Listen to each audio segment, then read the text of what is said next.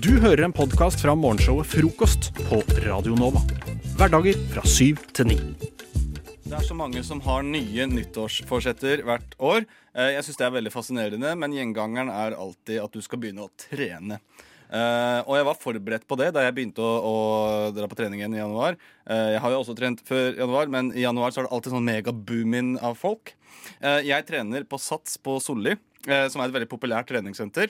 Eh, og det er dessverre det senteret som ligger rett ved siden av meg, så der må jeg selvfølgelig trene. Ja. Uh, da jeg skulle dit, det var vel uh, da var det i forgårs, tror jeg, så var det Det var altså så fullt der at jeg måtte nesten stå i kø for å komme inn gjennom de der portene. Uh, må skanne kortet og så gå gjennom en sånn liten port. Og så, uh, inne i garderoben, så var det nesten ikke ett ledig skap. Og eh, ute på uh, selve treningssentergulvet der du, men du måtte vente på tre-fire personer skulle du ha en ledig maskin. liksom tenkte jeg, faen, det det her gidder jeg ikke å vente på. Det, Det skjønner jeg veldig godt. Ja, det her, Veldig lite effektiv trening. ja, det er, hva, hva skal jeg gjøre, da? Skal jeg sitte og vente? Det er mega-wack. Så jeg, uh, jeg tenkte OK. Megawack, ass. Ja, jeg tenkte nå, det, det her får bli cardio. Da blir det bare cardio. Så jeg tenkte å gå opp da til eh, etasjen der de har sykler og tredemøller. Selvfølgelig så var alle tredemøllene tatt. Så skuer jeg utover kardiorommet og ser en ledig sykkel. Okay. tenker jeg, ok, Da får det bli en sykleøkt, da, så får vi bare gønne på med det. Uh, det var den eneste sykkelen som var tatt, i et hav av uh, ja, damer i 30-åra som så optimistiske ut. Så tenkte jeg, ja, ja, det, da setter jeg meg med dem, tenkte jeg. uh, og sykler litt.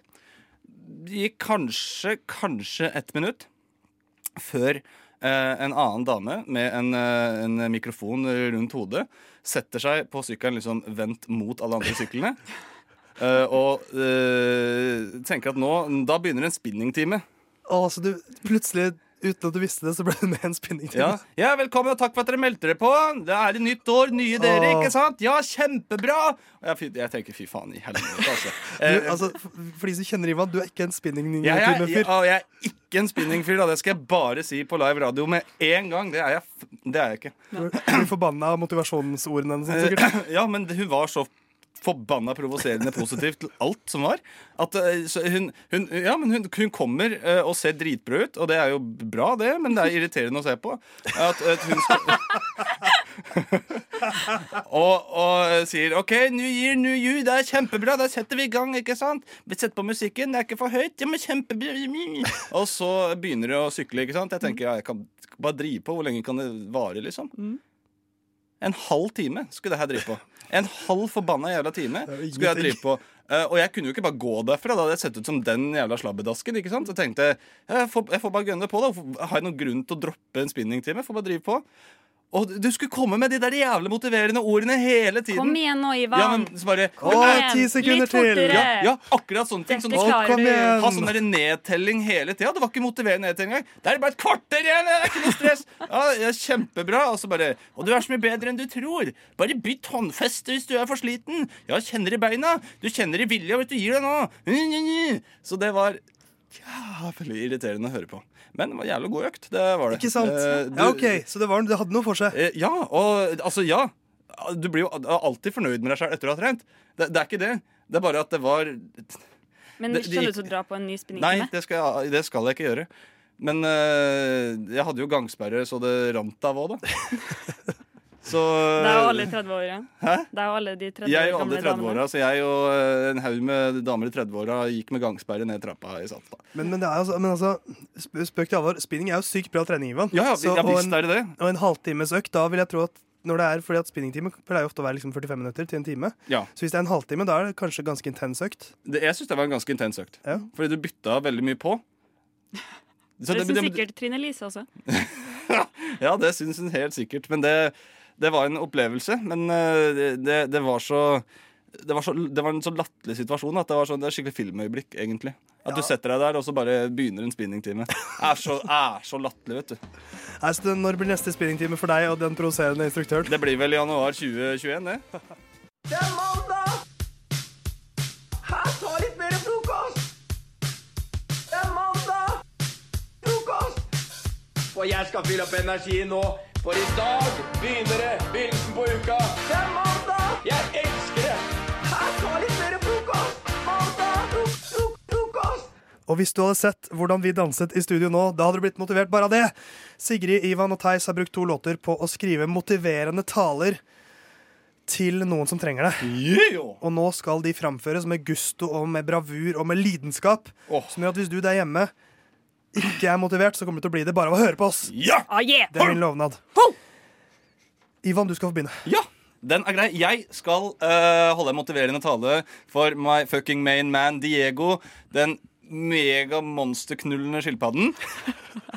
ah, jeg blir så glad av det. Faen, ja. Han har reddet en art med pikken sin, og det er godt gjort. Ah, det skal han. Ah. Uh, Ivan, da er spent på hvilke ord du har til uh, denne skilpadden. Takk. Diego, din komplette spiller. Det er ikke ofte jeg kan si at noen er en uselvisk, altruistisk pulegutt. Du har definert gamet helt. Alle skilpaddegutta de ser opp til deg. Alle går fra hverdag til hverdag med hodet bøyd nedover, drømmende om puling og hvite strender. Men du, Diego, fy faen, du gjorde det, du din gærne faen. Og du gjorde det så jævlig bra. For du, Diego, du har levd livet til det fulle. Din generasjon har blitt reddet av deg og din penis alene. Penisen din vil for alltid bli kjent som skilpaddegenerasjonens grunnpilar. Dette er det ingen som har gjort sin Rasputin. Og selv om dine høvledager kanskje er noe over, så har du gleden av å være far til tusenvis av andre skilpaddebarn. De vil komme med frukt til deg når du ikke klarer å hente det sjæl. Og det vil ikke være en eneste skilpadde-seniorita du ikke kan peke på og si Hei, ser du den mamacitaen der, eller? Kun har jeg beisa så det sang. You go, Diego. My man. Ja, jeg er blir motivert, jeg, ass. Ja. Og rørt og alt. Ja, alt som fins. Det er, det, er, det er rett og slett vakkert, Ivan. Og Ja. Diego, den tror jeg han likte å høre. Ja. Eh, Sigrid, Ja. hvem var det du skulle motivere?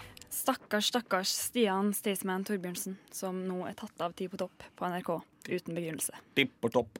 Tipp topp. Da, Staysman, får du høre etter nå. Kjære, kjære Stian Torbjørnsen. Populært kjent som Staysman, nå mer som Livman. Det du alltid må huske på, er at du har 20 kilo ekstra ren lykke på magen. Tatovert, gått inn, og det er ingen, jeg og mine venner heller, før metoo vil ha klippet i magen på russetreff. Vi prøver å holde humøret opp, og du gir deg på topp. Det er nesten én million seere som så ditt forrige program. Du sier, smiler tappert og sier 'jeg gir meg på topp, før jeg er en flopp'.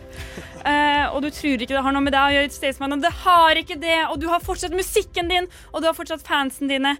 Og for å kåte noen av dine og lese sine hits Det er mange som trenger en mann som deg. Muggene er fortsatt megasvære. Du elsker fortsatt øl. Og ikke minst, Staysman, om 100 år er allting glemt. Men det er faen ikke du. Stå på. Vet du hva, De siste ordene der fikk jeg frysninger av. Ja, det er sjukt å si. Det er dritnice. Jeg digger det. Nei, det er Stian. Den tror jeg han trengte. Eh, Men det er en mann til som trenger litt hjelp, og det er Jon Almås. Oh yeah. Som har fått mye, mye dritt kasta etter seg. eh, fordi han er en besserwisser, Bare fordi sier han er et folk. geni, liksom.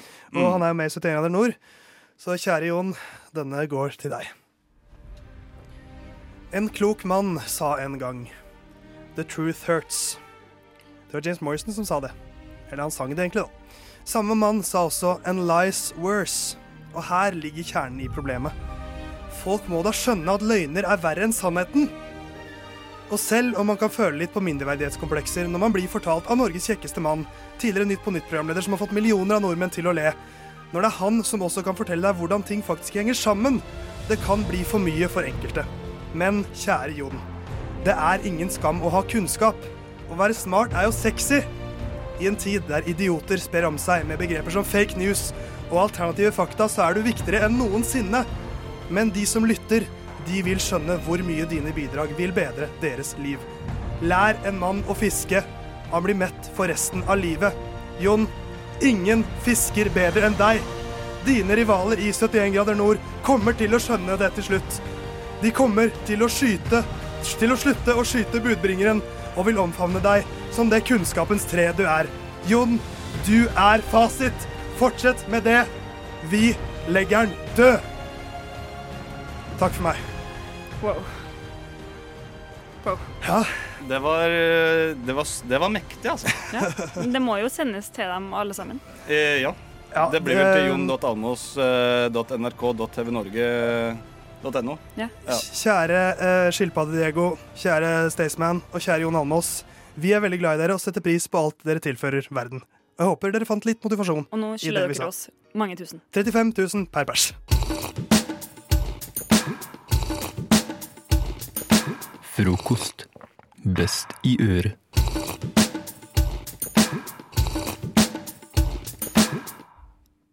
Da reiser vi fram i tid til den 13. januar 2030. Jeg har med meg utgående reportere fra framtiden. Du, Theis Magelsen, fikk for ti år siden et oppdrag av meg om å skrive ned optimistiske Ja, det stemmer. sannheter. Det stemmer. Ja, ja, hei, du hører meg? Ja, Det, det stemmer. Det stemmer. Ja. Jeg kan høre deg. Ja, jeg bare lurte litt på om du kunne fortelle meg hva som skjer rundt deg nå i Det- 2030? Det kan jeg gjøre, vet du, Sigrid. Jeg hører deg. Jeg står her foran Chateau Neuf, og det er helt utrolig hvilken forandring som har skjedd her i Oslo by. For Oslo har som kjent, eh, som kjent blitt en helt bilfri by, og når det kommer til luftkvalitet, så er det faktisk bedre å bo i en by nå enn å bo eh, på landet her i, eh, i Oslo. Eh, Boligprisene har blitt mer levelige for førstegangskjøpere etter at eiendomsmeglerne har eh, sluttet å bruke så mye penger på ankelsokker og brunkrem. Så det er blitt lettere å komme seg inn på boligmarkedet selv på Grünerløkka, som fortsatt er utrolig gentrifisert. Eh, Obos sa jo lenge at de skulle gjenopplive boligområdet Ulven. Det har de klart, men de har også gjenopplevd all ulv som har blitt skutt i Norge i løpet av det siste tiåret gjennom ny banebrytende teknologi. Og så hører jeg eh, noe nyss her om at Colosseum kino har utvidet 6D-storsalen. Den tar nå eh, 1999 mennesker og er klar for premierefesten i kveld, der, som du vet, Sigrid, Fast and Furious 69, Slippery When Wet Drifting, har premiere. Vin Diesel eh, er død, men er allikevel til stede i hologramform. Det er jo bare helt nydelig. Det er eh, mye og flotte, store endringer som har skjedd i Oslo eh, de siste ti årene. Eh, tilbake til studio. Herlighet, det er jo så masse å glede seg til. Eh, men jeg har også hørt Ivan Larsson. Du er jo litt mer pessimistisk enn vår venn Theis her, så hvordan er, hvordan er din hverdag nå i 2030? Hvordan, hva kan vi glede oss til, vi som bare er i 2020 fortsatt? Hører du meg? Hei, Ivan? Ja, nei, altså eh, Her i Oslo by er det ikke alltid like positivt som eh, tidligere eh, Holdt på å si, ikke tidligere, men kollega Magelsen skal ha det til. Eh, Det viser seg at alle kronikker og leserinnlegg i avisene er fylt med enda flere idealistiske selvfølgeligheter, som f.eks.: Nyttårsforsetter er dumme, det er bare å være seg sjøl. Entusiaster for gamle biler er jo nå eh, lut lei elbiler og kommer til å bli forbanna fordi folk blir mer og mer negativ til diesel- og bensinbiler. Spesielt i Oslo sentrum har det nå er bilfritt. Det blir nok opptøya senere i år. Og nettsida, som du merker det veldig godt da, på dagligdags eh, bruk av nettsida, så er det veldig vanskelig å navigere seg gjennom. For det er rett og slett altfor mye du må akseptere av vilkår og cookies. Det tar helt ta. Oi.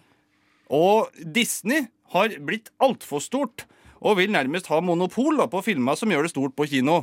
Det, det kan markedsføres altfor sterkt, og nesten 90 av eh, top grossing movies eh, i de tre siste årene har bare vært Disney. Det er farlig. Og så, nå viser det seg at bare 18% av arbeiderklassen faktisk eier en leilighet i Oslo. Det er et anarki. Det er ikke til å tru. Å, herlighet. Men ja. Så det viser seg at altså, Fast and Furious 69 er en av få filmer som ikke er Disney, som er på nye Colosseum. Theis? Det, det stemmer, det. Eh, Som sagt, Fast and Furious 69, Slippery When Wet Drifting, den eh, står seg fortsatt fordi at eh, Vin Diesel eh, han testamenterte hele sin formue til å jobbe mot Disney. Eh, og Fast and Furious er den eneste franchisen som ikke Disney har kjøpt. Herlighet. Det, det var jo så mye å ta inn over seg eh, når man bare er i 2020 sjøl. Men eh, takk til dere. Jeg tror vi må nesten bare begrave denne tidskapselen. Og så er vi tilbake om ti år og ser hvordan det går.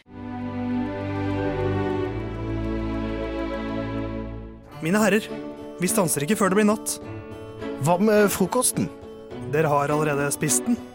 Vi har hatt én, ja. Men hva med den andre frokosten? Jeg tror ikke han kjenner til den andre frokosten, Pip. Hæ?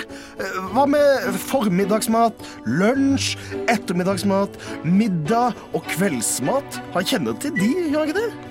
Jeg vil ikke regne med det. Han har nok bare hørt om frokost på Radio Nova. Pippin!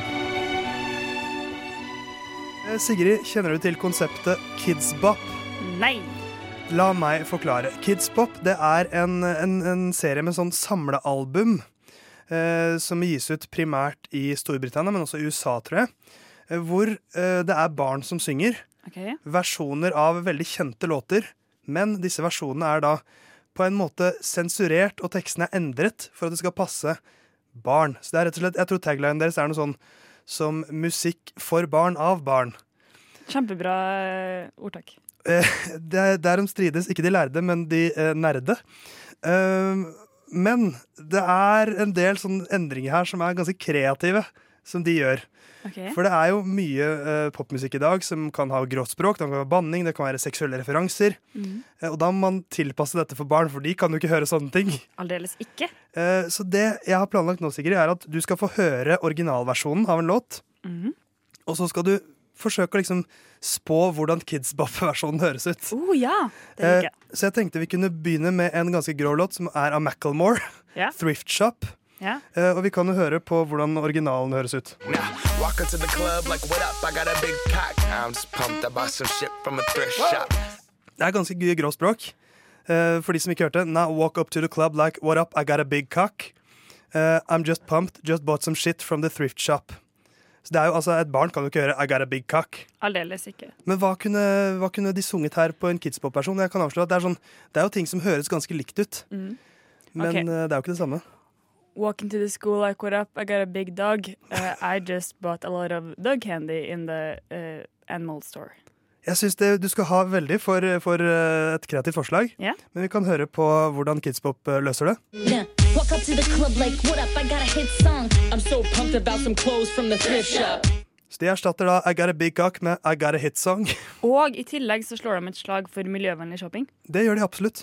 Eh, Vi kan gå videre til Bruno Mars sin The Lazy Song. OK? Eh, Den høres slik ut. Tomorrow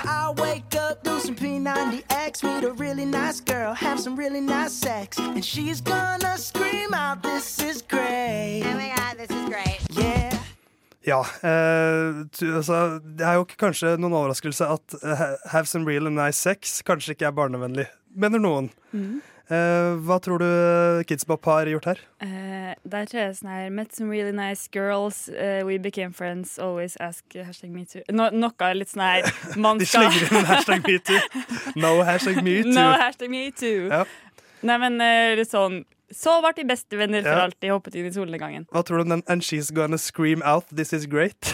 Um, and she's gonna scream out BFFs forever. Ja, ok, Så du tror vennskapet ligger i bånn her? Ah, yeah. Vi får høre hvordan Kidspop har løst dette.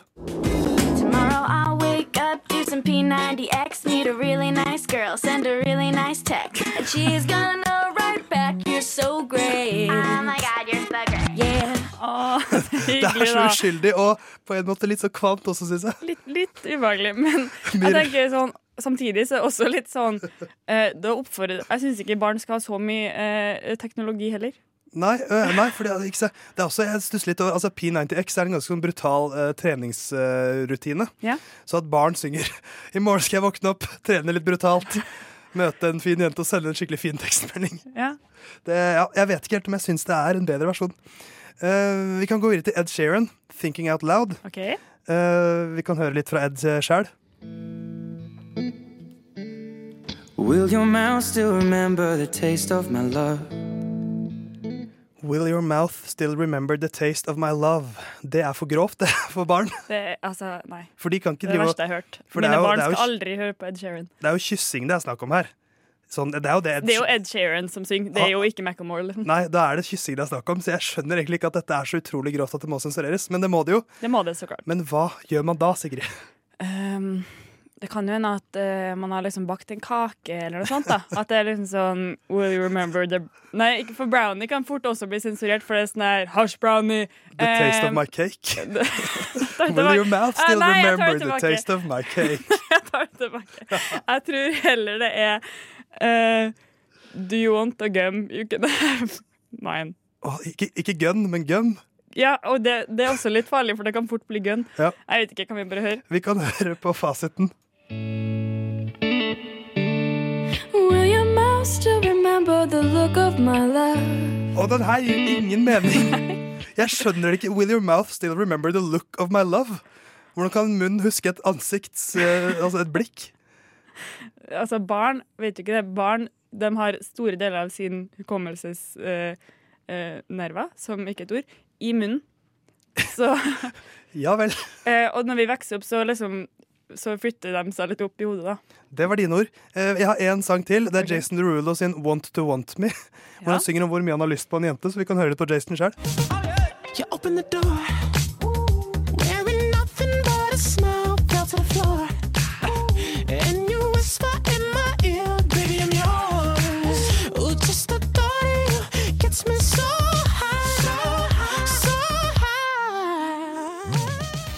Det er jo ganske erotisk, det her.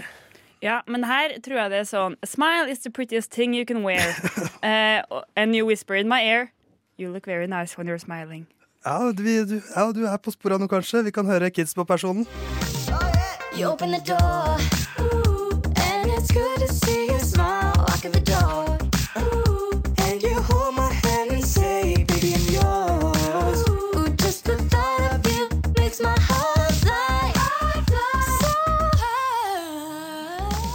Det er jo så PK alt de leverer her. Jeg syns det blir litt for trist, jeg. Litt Marcus og Martinius. Ja, litt for mye.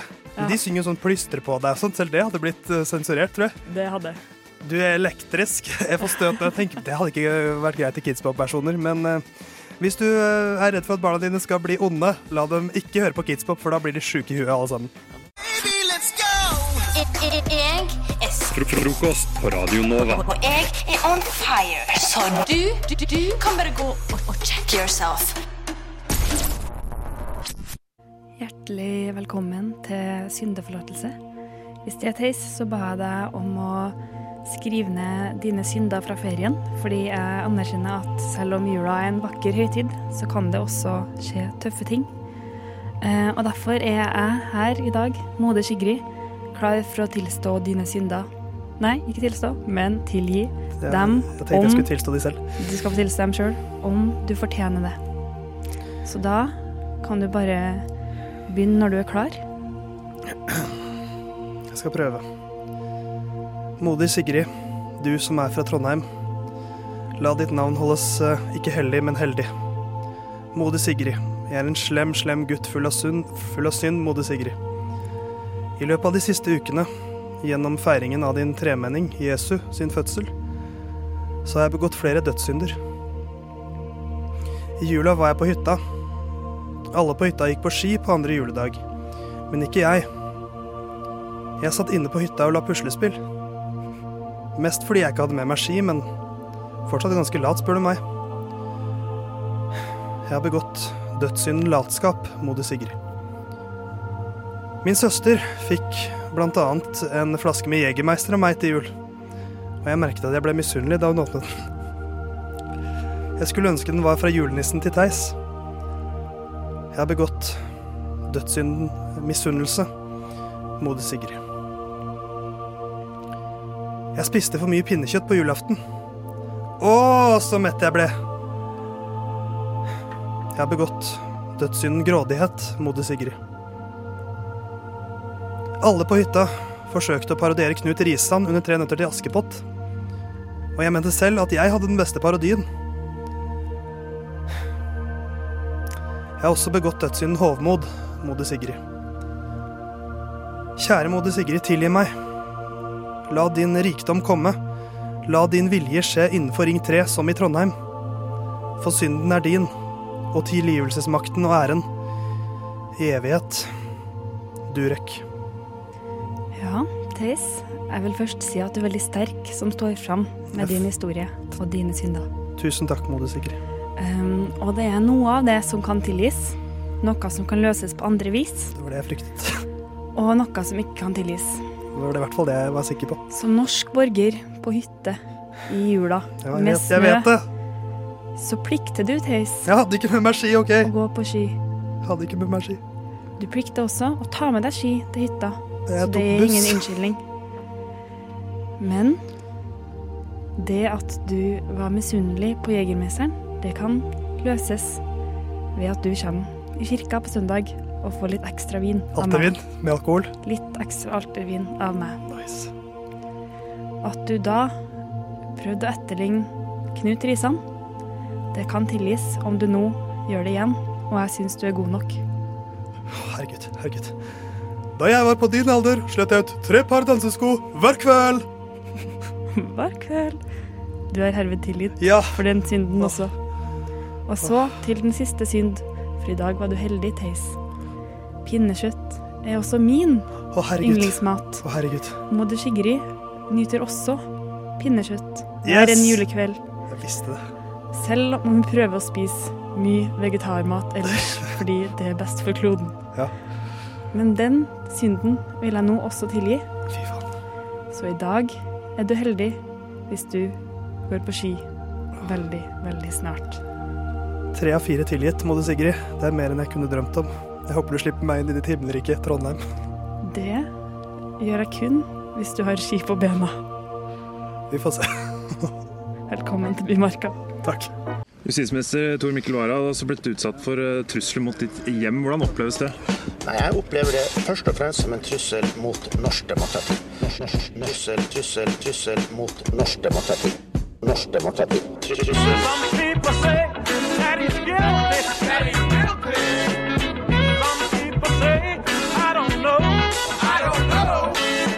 Frokost.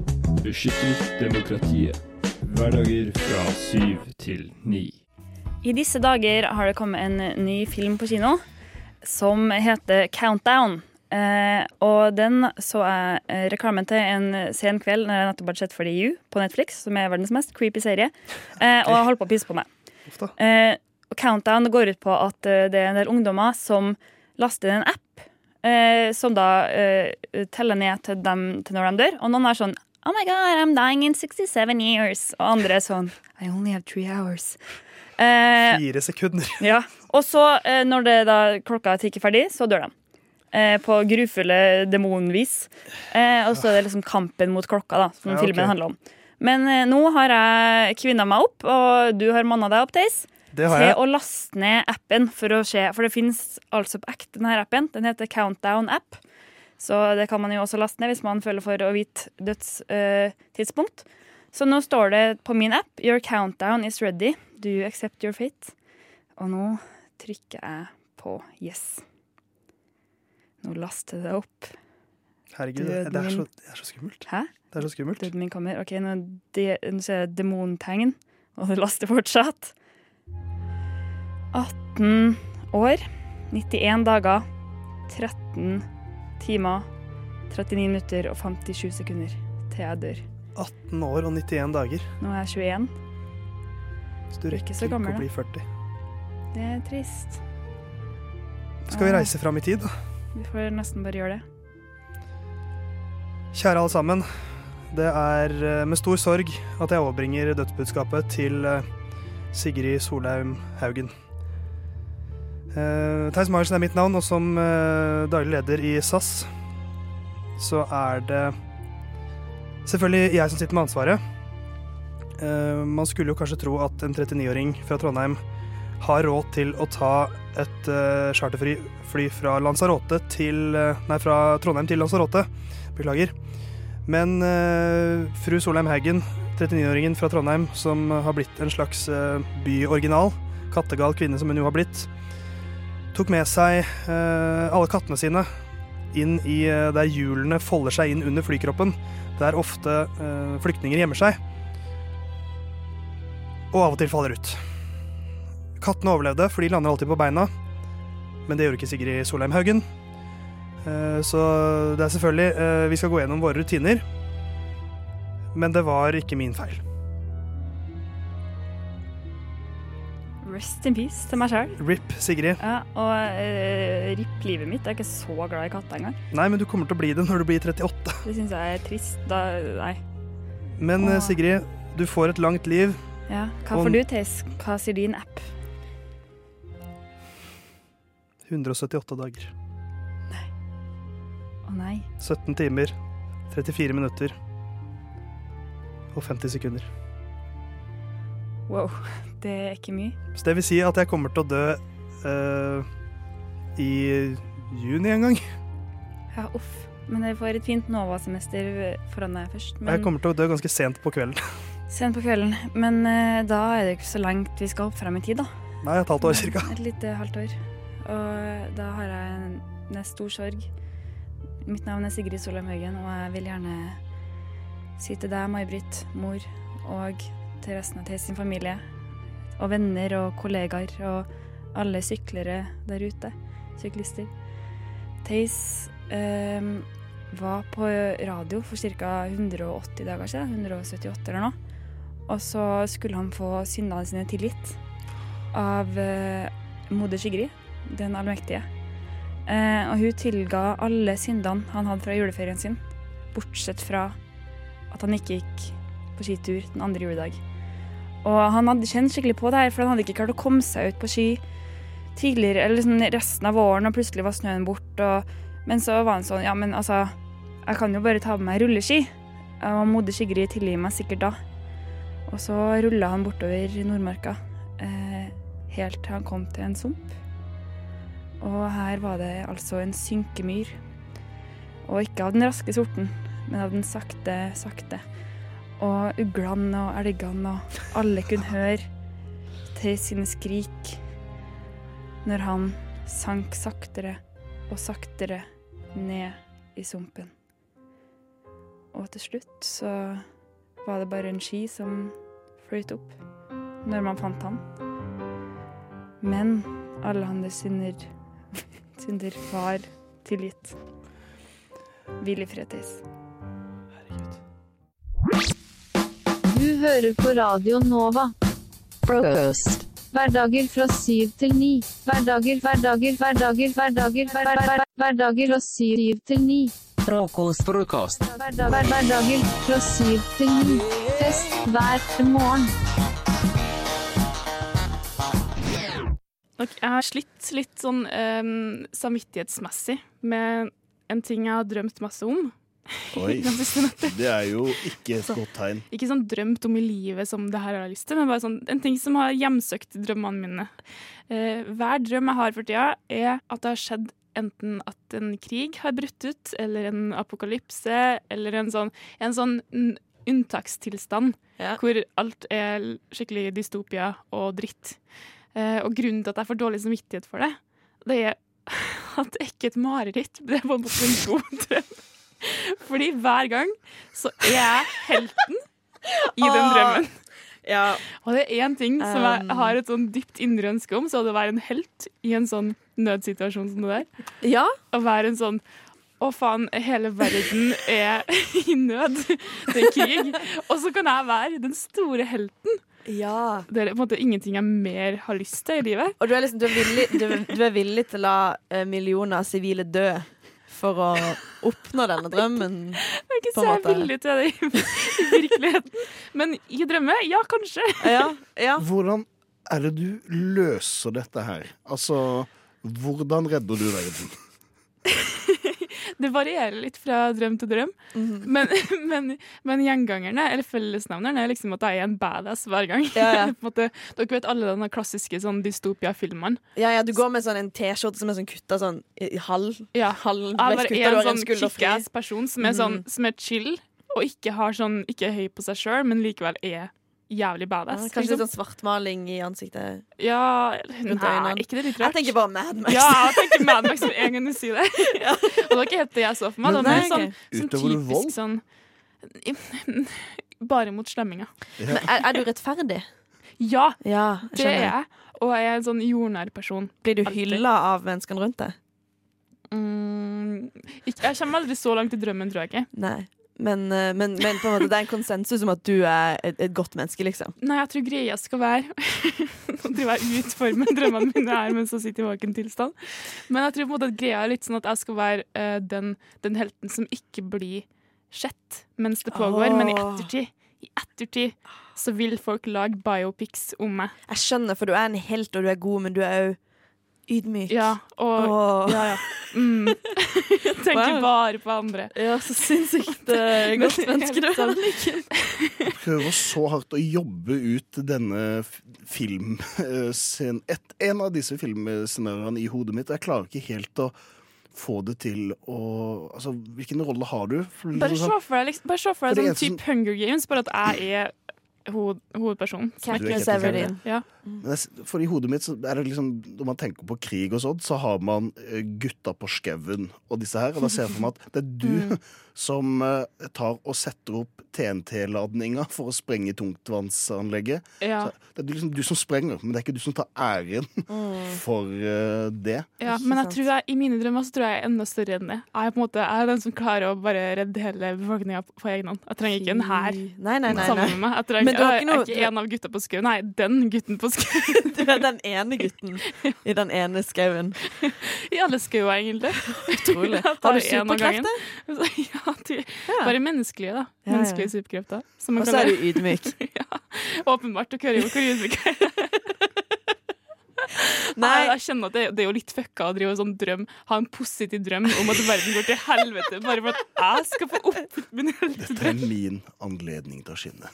Jeg, jeg tenker at hvis eh, Peder eh, Kjøss, eller hva han heter, hadde hørt på akkurat nå Eller Han hører på, når han. han, når han sitter og hører på, tenker jeg Jeg tror kanskje man kunne utreda et par årsaker til hvorfor du har dette ja, Derfor er det Ja, det er jo gjennomgående noe. Det skyldes noe i barndommen. Ja.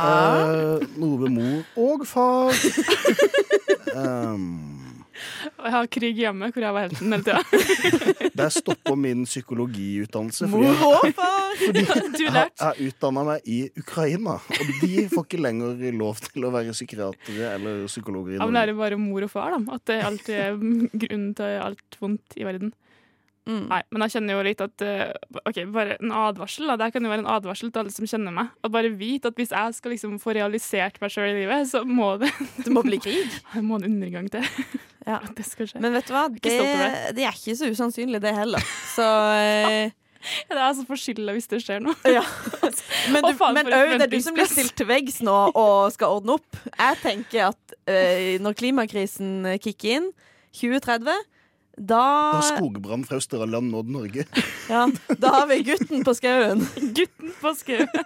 Så kommer skogbrann! Anniken. Gutten på skogbrannskauen. Ja, jeg, jeg tenker nå, Jeg har hatt litt sånn eksistensiell angst, frykt for framtida. Nå kjenner jeg jo at jeg er kjempetrygg. Ja, altså. For jeg lover, jeg er det her i, i livet. Nå går frokosttoget! Alle om bord!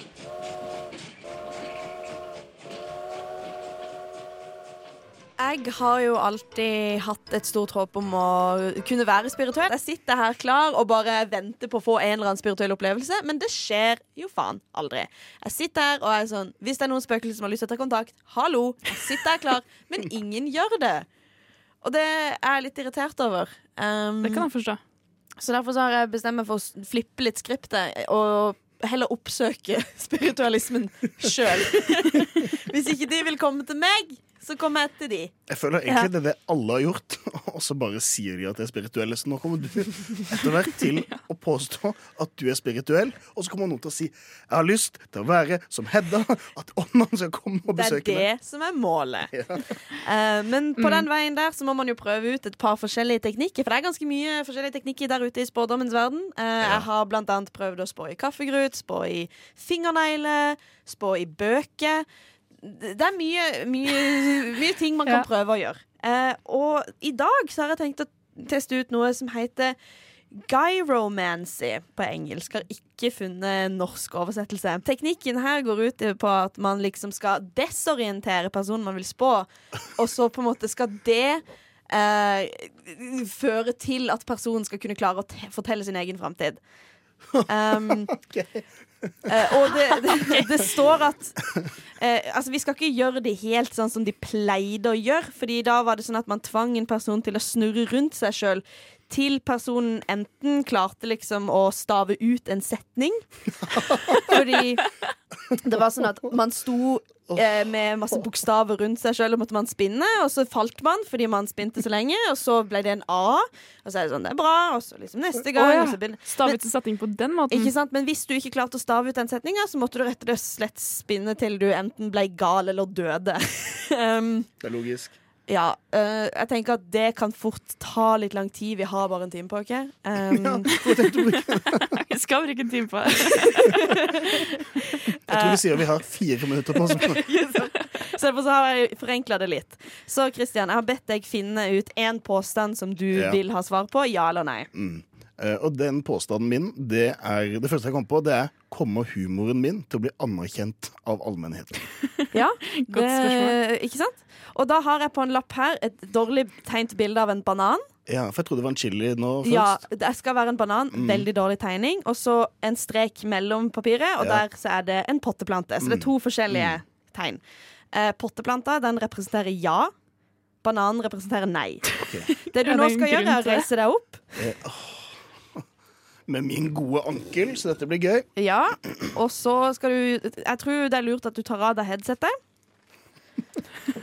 Og så vil jeg eh, si. du skal uh, spinne rundt i du skal, 30 sekunder skal være nok. Eh, og så skal jeg lage litt sånn skumle lyder mens du gjør det, for å desorientere deg enda mer. Og så når jeg sier stopp, så skal du peke på bare helt uten å tenke det første du bare ser på den lappen. Er det greit? Eh, ja, jeg, jeg, tror, jeg tror jeg forstår spillereglene. Bra. OK. Er du klar? Ja. OK. Klar, ferdig, gå. Oh, Christian, du er, du, du er dum. Jeg vet ikke hvordan jeg skal sette den faen, du er så dum, Christian! ja, det er en dum måte. Du er dum. Syk. Å, faen. faen. Du er dum, ass. Dummest, Christian. Ah, du Ja, spinner, spinner dårlig. Spinner dårlig. Ja, kan du spille litt fortere, Christian? Herregud, Ja, lol. Jeg mangler jo fire leddbånd. And, OK, det er Oi, ja, litt svimmelhet i Ja, det, nei, du er ikke ferdig ennå. Spinn Å, stopp! Pek.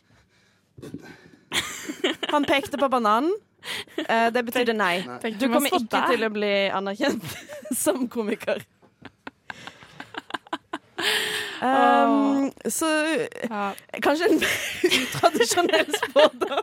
Jeg skjønner, vet ikke helt hva fordi, fordi den pekinga til Christian, den var litt sånn Det var slapp, det var en slapp pekefinger som la seg på et mikrofonstativ i studio her, og bare pekte i retning Hedda. Generell retning Hedda. Ja, følte og så sa du at det er banan. Ja. Altså nei. Men hva Ja. syns du om svaret, Christian? Hva syns du om resultatet? Altså, nå er jeg egentlig for svimmel til å ta inn noen ting som helst. sant? Men da er du mer mottakelig for åndelig påvirkning. Det er jo det Ja, som er Når du er svak nyheter. og nede, så er du mer uh, i stand til å Jeg kjenner nå, neste, Hvis jeg måtte spinne i et halvt minutt til, da hadde jeg vært med på den greia og blitt gal. Ja. Eller dødd.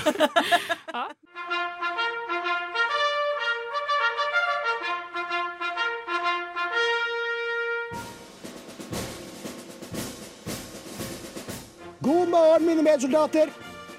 Lytt til frokost mellom syv og ni hver dag på Radio Nova.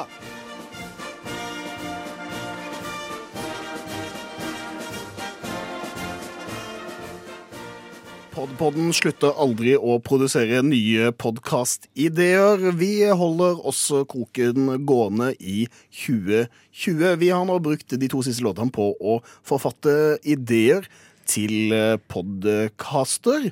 Eh, Og uh, Anniken, du Mhm. fikk av meg uh, muligheten og uh, Altså Muligheten. oppgaven å forfatte podkasten til Heismontørene Mm. i Norge og verden. Ja, det gjorde jeg. Kan vi få din, din utgave? Min lille pitch, em, eller min ja, podkasten jeg har utvikla, det er altså en podkast for heismontørgjengen. Alle heismontører som finnes der ute i det ganske land. Eh, den heter, det egentlige navnet, det er Hjelp, er det en heismontør i bygget? Men innimellom så kaller de den bare Heismontøren 2, fordi det finnes allerede noe som heter Heismontøren, og det er et magasin. Den er altså leda av Tor Erik Pompel Lundberg. Eh, han kalles ofte bare Pompel. Han er redaktør i Heismontøren også, så det er et lite sånn eh, journalistisk eh, problem der, fordi han er ikke egentlig ja, ikke så bra det. Men han har med seg Pilt. Ingen vet hva han egentlig heter. Han heter bare Pilt, som sidekick. Eh, de har spalter, veldig populære spalter faktisk, som Når rulletrappa går feil vei, som er en rådgivningsspalte. Fordi det folk kanskje glemmer, er at heismontører de har også i oppgave å fikse rulletrappa, ikke bare heis. Em, og så har de en spalte som heter Reparere, subtrahere, filifere, dirudere. eh, Som er en eh, verktøyspalte, hvor de anmelder nye verktøy som har dukka opp i eh, heismontørbransjen. Det er egentlig de mest største gjengangerne av spalter i podkasten deres, fordi det de bruker mesteparten av podkasttida på, det er å ta opp spørsmål fra ivrige lyttere. Som sender inn eh, store problemer de har møtt på i hverdagen, og irritasjon over eh, slitsomme kunder. Denne podkasten trengs, det er ikke noe tvil Fikk kjempelyst til å høre på den. det. Jeg tenker vi kan eh, legge den bare Vi legger den i bunka på den her kommer til å bli solgt. Ja. ja. samtidig som vi skal få en ny podkastidé på bordet nå. Og Hedda, hva har du å bringe til oss? Vel, jeg fikk jo æren av å lage en etterlengta podkast til konditormiljøet. Ja. Uh, og det har jeg gjort uh, med mitt program Konditeori.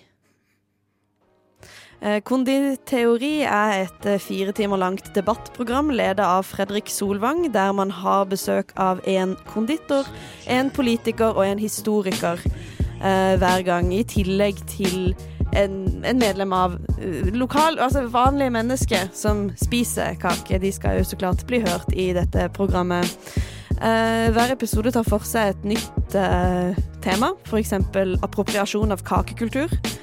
Um, gjennom disse nye programmene som har kommet opp der vanlige lekfolk skal plutselig få lov til å leke konditorer. Men det er de jo ikke. Hva har dette å si for konditormiljøet? Et annet er kakelysvake, der vi eh, hedrer en, en fallen konditor som eh, ja, ikke lenger kan praktisere sitt yrke. Eh, blant annet, hva er dagligvarekjedene sin rolle i å drepe konditormiljøet? I det at de plutselig òg skal få lov til å selge kake. Eh, mødre på Instagram som poster bilder av cakepopsene de har lagd til sønnens bursdag.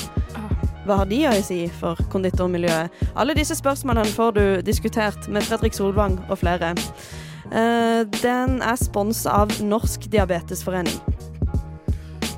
Mm. Naturlig sponsorat, det er ikke noe tvil om det. Og Fredrik Solvang, nå som han eh, har en liten pause fra debatten etter han har fått infeksjon etter sykkelulykka si, selvfølgelig har han masse tid Til å gjøre denne, denne podkasten i fire timer. Det er, det er jo ingenting. Det trenger vi mer enn noensinne. Eh, For min del så skulle jeg utforme en podkast for eh, ikke for fedre eller mødre i permisjon, men for fosteret. Altså dette Mm. som er inne i magen. Eh, Og det er bare å rulle i gang. Podkasten har det flotte navnet Vi i magen, tankestrek oss imellom.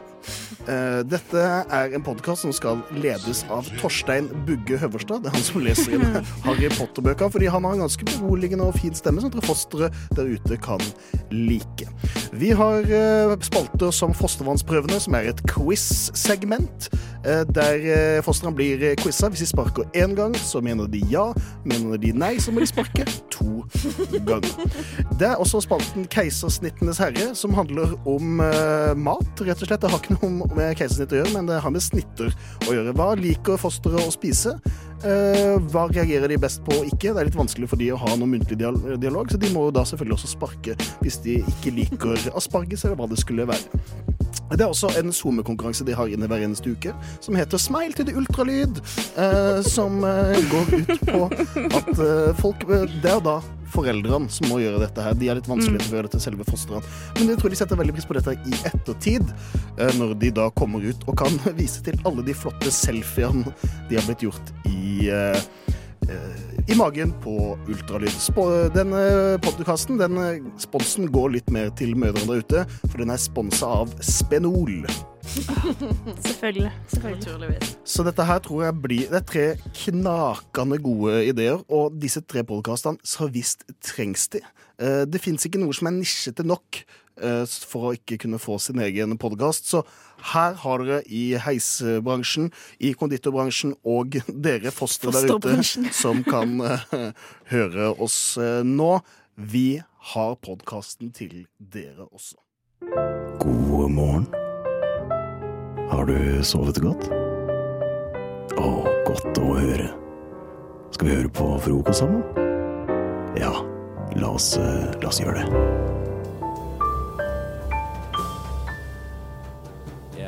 Det er ikke noe fasit på det her, tror jeg, men jeg må allikevel, eh, for å rense opp min egen eh, samvittighet og tankegang og alt med seg, så må jeg spørre ehm, Hvor går grensa når det kommer til Facebook-innsamlinger? Fra den som holder dem sin side, eller fra de som jeg, egentlig alle perspektiver rundt det her. For jeg, jeg har kjent på sånn eh, Før jul, i romjula og med alt som har skjedd nå av drastiske, drastiske ting etter nyttår, eh, så har jeg bare fått en sånn eh, sosial en sånn SoMe-skyllebøtte med eh, altså guilt, eh, skyldfølelse. Ja. Eh, fordi jeg husker eh, nå før jul så gikk jeg langs Karl Johan, og da er det jo 40 stands med alt fra Frelsesarmeen til Røde Kors til Amnesty og alt. Og det er sånn Jeg kan støtte én, og så går jeg videre. Ja. Og så skal jeg si jeg har nettopp gitt der.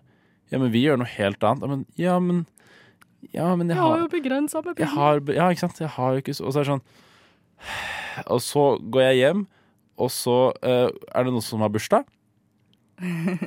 Og så kommer det I anledning min bursdag har jeg valgt å opprette en innsamlingsstasjon til. Og det er sånn Det er jo kjempehyggelig. Problemet er at det er hyggelig, ikke sant? Men så sitter jeg der og føler litt på at Ja, skal man, skal man gi noe til alle, eller skal man gi mye til én? Eller kan man avstå og gi på andre måter? Ja, altså, så jeg, jeg prøver å finne altså, noe som er nærmere en fasit. Jeg skjønner at det blir jo ikke noen fasit. Alt er jo avhengig av livssituasjonen og sånn, men eh, når skal jeg ikke trenge å føle på det her? For sånn, og i hvert fall når sånne gode venner av meg. Sånn, ikke bare en eller annen jeg har på Facebook som plutselig lager det, men sånn en god venn av meg til bursdagen sin Ja. lager en innsamlingsversjon, så føler jeg både fordi, fordi, både fordi det er den vennen, men også Mm. da er det gjerne også en sak jeg liker sjøl, da. Eller hvis det er, ja, eller hvis det er en sak som, som du har et forhold til selv. Ja. Så blir det sånn hm, Ja, kanskje jeg burde gitt til dem. Jeg husker eh, en av de første innsamlingene jeg så. Ja. Det var eh, en eh, tidligere venn av meg som mista faren sin til kreft. eh, og samla da inn penger eh, til kreftforskning. Mm. Og da tenkte jeg sånn, ja, men da er det jo veldig veldig naturlig at man gir, fordi dette er liksom faktisk en veldig viktig viktig sak for, Ja, for ham og for mange. Og så bare scrolle litt nedover på feeden min, så er jeg sånn Ja, der er det også en venninne som uh, har mista noen til selvmord. Mm. Eh, som samler penger eh, for pårørende. OK. Og så, ja, så blir det litt sånn Ja, for det der, for det der, det der skjedde faktisk akkurat, akkurat det siste du nevnte, skjedde nå veldig nylig også for uh, noen fra der jeg er fra. Mm. Og da var det sånn Alle jeg kjenner, ga jo. Og da var det sånn Selv om jeg ikke kjente den personen, så støtter jeg, jeg kjempemedlidenhet med alle altså pårørende rundt. Da. Det er sånn men, men det, jeg får på en måte det så mange steder at det er sånn pick your battles. Det er veldig vanskelig. Hva, liksom, hva slags guidelines skal jeg ha til å spytte inn det jeg føler jeg kan spytte inn? Hvor, hvor og når? Det er, det, jeg syns det er vanskelig. Det er, ja. Ja, jeg kan se for meg at det kommer til å komme et eller annet nytt uh, ord, eller et eller annet sånn At, å, at noen kommer til å begynne å snakke om dette fenomenet med liksom guilt uh, Ja. på grunn av sånne veldedighetsaksjoner på, på SoMe. Kanskje det er det som blir eh, årets eh, ord. Da eh, Årets nyord. claimer vi det nå. Claimer nå, ok, i Årets ord i fjor ble jo klimabrøl. Ja. Um, så hva skal det her kalles? Og, og bare for å understreke, jeg syns ikke det er en negativ ting. Det er bare litt synd at man får den følelsen uh, Ja. når man ikke Det vet er- hvordan man det er skal deale med det. Det er nytt, og da er det vanskelig Ja. å navigere. Ja. Hva skal vi kalle det? Kommer vi opp med et godt ord på det? Faen, altså. Det er skyld SoMe-skyld? SoMe- Men det er jo ikke det. Det er, det er eh, Mm. aksjon, innsamling, innsamlingsskyld. Innsamlings... Uh, Men det er for langt. Dårlig s- Skal Eh, vi se, samvitt... samvittighets... Prima radio. Ja, kjemperadio. Uh, Uh, la, skal, skal, vi, skal vi gi oss selv en låt på å tenke på det, og så er det det første vi sier Et eller annet skam, da. Skam, ja, skam er alltid bra å bruke. For er finnes flyskam. Samle- samleskam. Samleskam. Ah. Det er samle, det høres ut som Det er fortsatt samlemani, liksom. Ja. Eh, innsamlingsskam. Veldedighetsskam. Veldedighets, veldedighetsskam. Eh, ja. Det er jo et langt ord, men det er veldig beskrivende, da. Ja. Veldedighetsskam. ja. Ja. Det, er det, det er det jeg føler Ja, jeg, jeg kjenner meg igjen i det ordet. Ja, nei, men da, ok, årets ord eh, 2020, eh, som er bare et, et, et lada ord, men ikke egentlig negativt, Mm. men et lada ord. Veldedighetsskam.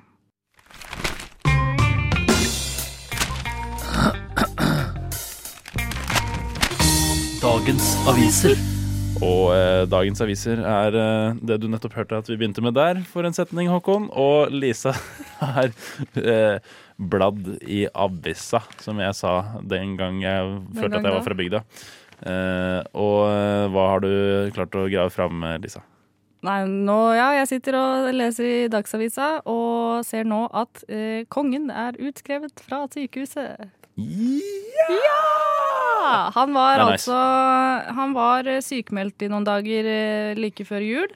Og så etter hvert så opplevde han å Han opplevde svimmelhet. Så han ble da skulle bare en rask tur på sykehuset, og så ble han eh, innlagt litt lenger enn enn det folk trodde, da. Ja, det var eh, jeg, eh, Altså, jeg vet ikke om jeg skal si at det var dramatikk, men det er jo litt, da. Det blir jo litt sånn Hele landet holder litt pusten Ja. idet kongen eh, må inn på sykehuset. Det er litt skummelt. Og eh, så det, det, jeg, jeg, føl, jeg er jo Som gammel gardist så eh, følte jeg jo litt på det, får en si. Men, eh, men nei, jeg, jeg husker altså, Da jeg så den nyheten om at Harald på Først at han måtte Det var først noe med at han måtte ikke kunne gjøre alle oppgavene sine, eller et eller annet han måtte trekke seg fra. Husker ikke hva slags arrangement det var. Men han måtte trekke seg fra arbeidsoppgaver han vanligvis gjør, da. Mm. Og, og deretter legges inn på sykehus. Da, tenkte, da var det sånn derre Å, fuck. Er det nå, liksom? Ja, først så tenkte jeg at det kanskje var uh, mer sånn påkjenning etter uh, å miste noen i familien sin. Ja. uh, eller noe sånt. Men så, ja, nei. Han, han begynner å bli gammel, da. Ja, det er Tenk det at det er jo Og det høres jo veldig sånn morbid ut å si, men vi kommer jo til å oppleve et, et kongeskifte i løpet av vår livstid. Ja. Sannsynligvis. Ja. Eh, med mindre det skjer noe helt spesielt. Ja.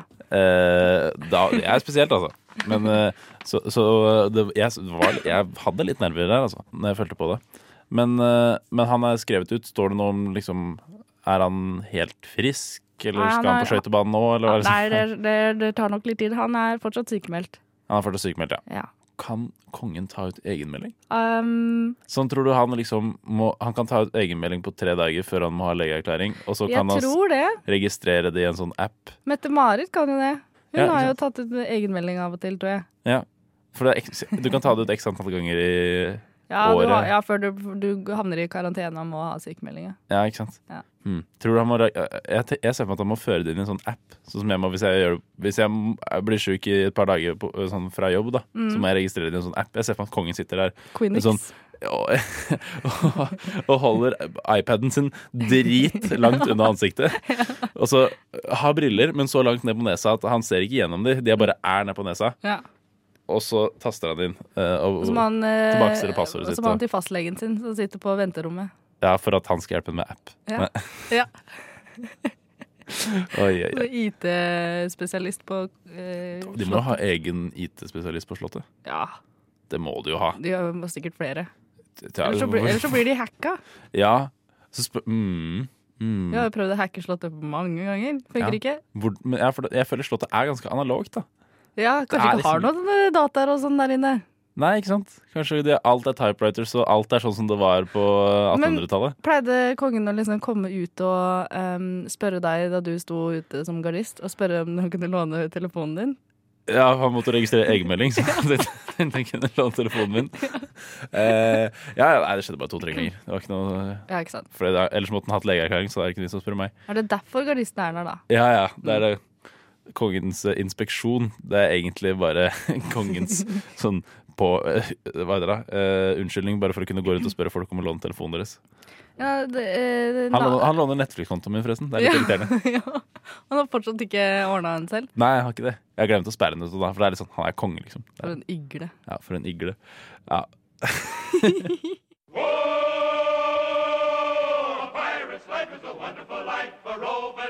Du hører en podkast fra morgenshow og frokost mandag til fredag på Radio Nova. Av og til er det nyhetssaker hvor de ikke har alle detaljene, eller så kan de ikke komme ut med alle detaljene. Og denne gangen så skal vi dramatisere eh, samtalen eh, Meghan Markle hadde med eh, prins Harry før krisemøtet de skulle ha med dronning Elisabeth. Ja! For jeg kan se på meg at, uh, at Meghan og Harry hadde en eller annen sånn peptalk. Fordi det endte med at uh, Meghan ikke ble med på det, i den samtalen likevel over Skype, som hun egentlig hadde tenkt å gjøre. Ja. Så hva var det de prata om? Hva var det de sa? Hvorfor ble ikke Meghan med likevel? Uh, var Harry nervøs? Hva var kravene? OK, så uh, bare, bare så det, jeg, jeg, det, jeg kan ikke det britiske kongehuset. Altså Elisabeth er Bestemora bestemora, ikke sant? Ja. Ja. ikke sant? OK, bare så jeg ikke sier feil der. Greit. Så dette er altså en, en telefonsamtale da, mellom Meghan og Harry. Eh, ja, ikke sant. OK. Jeg er Eh, da Meghan. du er Megan, og da er jeg kanskje Harry, da. Eh, Ja, hvis du vil. Ja, OK. Vent, da, er det telefon Vi er på telefonen? Ja. OK. Ish. Ok, Så vi står ikke her og ranter til hverandre face to face? Okay, Nei, vi er på så ikke ta på meg. Hæ? OK. ok, Greit. Ring, ring. Eh, hei, det er Meghan. Hallo, det er Harry. Hei, Harry. Hva var det du ville snakke med meg om? Uh, jeg uh, veit ikke helt om jeg er i form jeg, til å være med i den der eh, samtalen med, med Elisabeth. Hva? Jeg eh, har spist for mye kamskjell. Men nå har jeg sagt til Besta at du skulle være med. Ja, jeg så, jeg så det i, i mediene. Jeg visste ikke at du skulle annonsere det. Men eh, jeg har er jo, vi er jo kong... Eller vi var, da, i kongefamilien. Alt annonseres jo. Ja, jeg veit det, men det var en dårlig østers blant de kamskjellene. Vi, er, vi lever i en push-varsel. Alt vi gjør, får folk beskjed om. Ja, jeg veit det. Men ungene er også litt sånn smådårlige, så Jeg kan ikke. Dessuten må jeg på Går det dårlig med Kenneth? Ja, Ken- Kenneth har fått vannkopper, stakkar. Nei. Ja. Og barnevakten er død. Så det er bare meg her. Det høres ut som du har litt å drive med, da. Ja, stakkars meg. Ja, stakkars Men kan ikke vi gå over eh, de hva, hva skal Har du planlagt hva du skal si til eh, Elisabeth? Jeg må jo gjøre en del endringer nå, da. Ja. Men Men kan kan vi ikke ta den sangen vi hadde tenkt å ta? Jo. bye bye Johnny, bye bye. Den der? Nei, vent. Hvilken var det igjen? Mm. Uh, Ar- Arrivederci med ABBA? Nei. Nei, det husker jeg ikke. Let Nei, ja. bygons be bygons. Kanskje det er like greit at vi ikke tar den. Eh, Let it be med Beatles, var det vel. Ja, det var det nok. Ja. Med den der selvskrevne rappen vi hadde på sida. Ja, ja, med, med melodien til Mockingbird. Ja, ikke sant? Ja. Eh, men eh, husk å eh, Har du øvd på den derre opening statementen din? Ja. Få høre. Eh, Kjære landsmenn. Nei. Eller var det Nei, det her er når jeg blir konge. Nei, jeg skulle ikke bli konge. Shit. Jeg blander tale. Vent litt. Skal bare bla i notatene mine her. Ja, for det her er jævlig viktig, Harry. Ja. Der er framtida vår. Kjære bestemor. Vi har i dag bestemt oss for å ikke lenger være en del av kongefamilien. Jeg vil fortsatt gjerne få bursdagskort. Og Gjerne få julekort. Si julekort. og julekort med bilde. Mm. Ønsker meg fortsatt sokker og bokser til jul. Mm. Jeg vil helst ikke skrives ut av arven, men jeg skjønner at det kan bli vanskelig. Du, kan du si det med litt mer sånn, litt mer følelse? Jeg, jeg, helst, jeg, jeg vil helst ikke skrives ut av arven, men jeg skjønner at det blir vanskelig. Perfekt.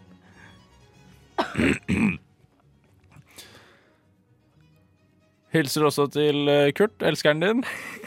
Har ikke sagt noe om han til media. Sånn, det var egentlig det Ja, OK, perfekt. Ja. Eh, Har du, men du må også si at vi vil At vi vil fortsette å være hertug og hertuginne. ja. For jeg nekter å være bare skuespiller. Bare hun Megga i Canada. Megga. Bare mor og Megge. Ja. Ja, øh, ja men da, jeg, ja, da skriver jeg det inn på slutten her. Vil Ok. fortsatt være dust og dustinne for Takk. Takk. Uh, og så kan du uh, si at jeg ikke er med fordi, i samtalen fordi jeg er eh, opptatt med noe, istedenfor at jeg har spist kamskjell. Jeg tenker Ja, OK. Opptatt med pass på Kenneth Ja. og den døde husmoren. Uh, Ja, det var jo minnestund. Minnestund. Ja. Men den er grei. OK, da tror jeg vi har det. Da tror jeg vi har det. Jeg tror det kommer til å gå bra. Det tror ikke jeg. OK, ha det bra. Ha det bra. Gled deg. Gled deg. Du hører Hører en podkast. Podkast med frokost. Frokost på Radio Nova. Radio Nova i verdensrommet V Verdensrommet?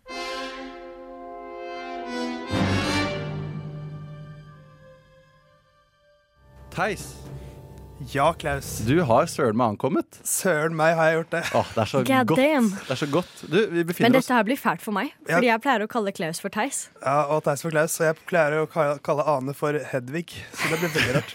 Men eh, jeg må påpeke først at jeg er ikke forsinket. Jeg eh, skulle egentlig ikke vært her i dag, så jeg har ikke forsovet meg. Nei, nei, det, nei det, det det er greit, Victor, hvis du sier så. Hvis du sier så greit. Men eh, vi er midt i dokumentarinnspilling. I know, jeg hørte på så jeg kom inn hit. Ja, ja. Eh, så vi driver og lager eh, dokumentarer til hverandre, Ane og jeg. Eh, og Ane, Ja. du fikk jo da jeg var på eh, Du fikk jo livshendelsen da Klaus var på Ringens herre-maraton. Og da var han faktisk sammen med Theis. Stemmer det. Så jeg er jo et, Ja, et tidsvitne Ja. fra denne Så jeg kan jo verifisere da om det Ane forteller, er sant. Ja. Eh, Ja, ja, ja. Jeg, jeg, håper, jeg, håper ikke du, jeg håper ikke du var med på Ane sin livshendelse. Som var da hun måtte tisse i skogen i russetida. Jeg var bussjåfør. Du var bussjåfør, ja. For disse bussjentene. uh, og jeg har veldig lyst til å begynne med den, jeg. Fordi den måtte setter ikke standard, men den setter på en måte stemningen litt. Setter tonen. ja. Fordi det er jo alvorlig, begge disse, begge disse hendelsene. Så jeg lurer på om vi bare hopper rett inn i da Ane ble forlatt uh, tissetrengt i skogen. Jeg var ferdig med å tisse, da. Hæ? Men OK. Ja, Greit. Men vi, vi hopper rett inn i det. Gjør. Ja, Ane har alltid vært en uh, jovial jente, hun. Hun var alltid så sprudlende og, og glad. Men uh, det var liksom helt til russetida. Etter russetida så ble Ane en uh, en helt annen. Hun turte heller liksom aldri å gå på do da vi drakk sammen. Det var aldri. Det var alltid holde seg til hun kom hjem igjen. Eller til nachspiel, selvfølgelig. Ada hadde nemlig blitt forlatt. Ja, av faren hennes da hun var liten jente også, men eh, det var da hun var og tissa i russetida. De hadde drukket minst, minst tre sidere, og da Ane kjente naturens kall, så måtte hun bare løpe inn i skogen og gjøre det man må gjøre, da. Men da hun kom ut igjen, så Da var det en helt annen gjeng som sto der.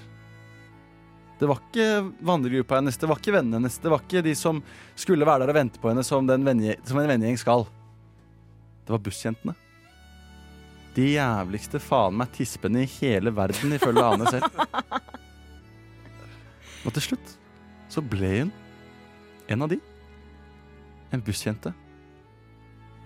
Uten far og med liten blære.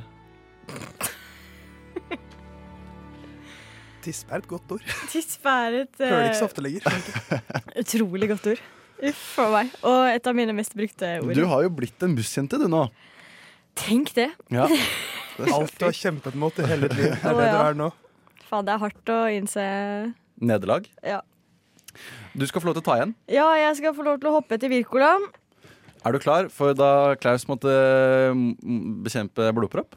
Eh, ja, for du var jo Jeg er klar. Ja. OK. det var ikke så veldig dramatisk, det her. Er, bare er det intern monolog i hodet til Klausen når han ser start av Ringens herre? Hva er det som skjer nå? Det er ikke så dramatisk. Så ler han litt for seg selv. Åh. Oi, oi, oi. Herregud, jeg skjønner ikke hva som skjer nå. Dette er Klaus, sin indre monolog. Klaus eh, skulle på Ringenes herre-maraton. Han hadde forberedt seg med både energidrikk, litt kokain, en trepakning med sjokoladeballer.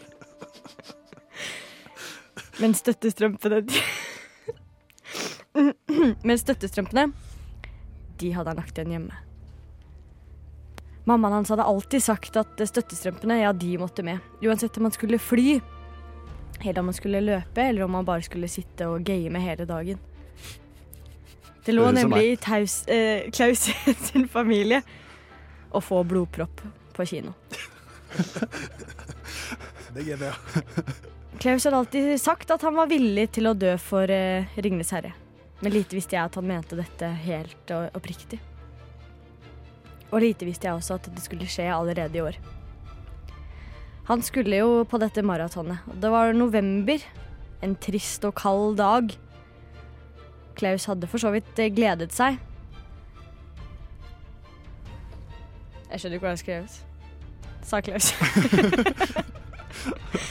um, mammaen hans hadde jo som sagt sagt at han skulle tatt med seg eh, støttestrømpene sine flere ganger. Men Klaus han nektet å høre. Han skulle bare ha det gøy med vennene sine, drikke energidrikk, spise boller, kose seg. Og det førte til den tragiske hendelsen. Klaus sin død. Uff a meg. Han døde den 18. november klokken 09.30. Ja, etter siste filmen. Nesten Ja. ferdig. Ja. Du holdt deg gjennom. Eh, gjennom. Ja. Derfor du Men ble så sittende så lenge i kinosalen. Ja, ja. Vi skjønte ikke hvorfor du ikke ble med. da Jeg syns det var så behagelig. Er du ferdig, Anne, eller? Ja, jeg er ferdig, ass. Ok, ok. Så det er bare å gjøre sånn. Ja. Ja. Jeg kan bekrefte at det Ane st- forteller stemmer 100 for jeg Mm. var jo der. Ja, du så meg dø. Du lot meg dø. Jeg visste ikke at du døde, Klaus. Jeg satt til og med nest ytterst, så det betyr at dere må ta liksom krøke dere forbi mitt lik da dere Men gikk du, ut. du var dere ikke ferdig klokka ni? Eh, ish. ja. Noe sånn. Det var jævla gøy, da. Det var gøy. Var det verdt å dø for? Abs absolutt. Jeg, hvis, jeg, hvis det er ett sted jeg kunne dødd, på en måte Eller det er flere steder jeg kunne dødd, men det hørtes veldig trist ut. Eh, men så, det er veldig behagelig med Ringenes herre-maraton, så det er fint sted å dø det. Topp tre steder der du kunne dødd. Da er det Colosseum kino, Ringen kino og Vika kino. Ja, ok, gå for Vika. TV er gårsdagens medium. Og dermed er vi inn i dataverden.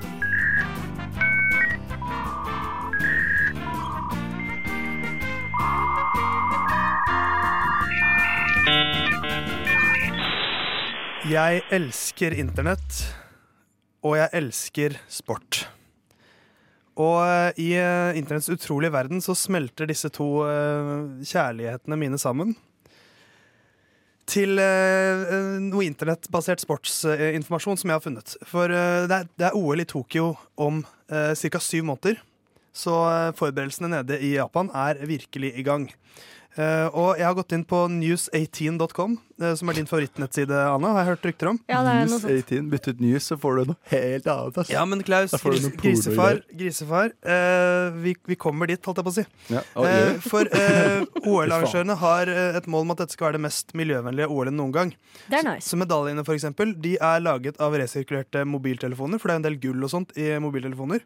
Så de har, det er der de har funnet gullet til medaljene osv. Ja, kult. Eh, det er ganske rått. Eh, mens eh, det er jo da alltid en deltakerlandsby hvor alle deltakerne bor, eh, og den bygges alltid for hvert OL. Og eh, da må de jo ha senger. Og sengene er laget av De, har, de rammene er laget av papp.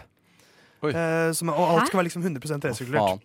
Hva faen? Men så er det jo også et aspekt her. Fordi at når en, en stor mengde med eh, veldig sånn pene mennesker, godt trente mennesker, samles på samme sted, Ja, det er sant. så blir det også en fuckfest uten like. Ja, men jeg, jeg har hørt noe greier om det der. Og det er noe man hører om hvert eneste OL. At hvor mange kondomer som deles ut til deltakerne. Ja. Det har Så jeg aldri hørt om. De ligger som gale, mann. Ja, de er helt Ehm, og hvem kan klandre dem for det? De er jo flotte alle sammen. Ehm, men nå er det altså folk som er usikre på Er disse papprammene gode nok.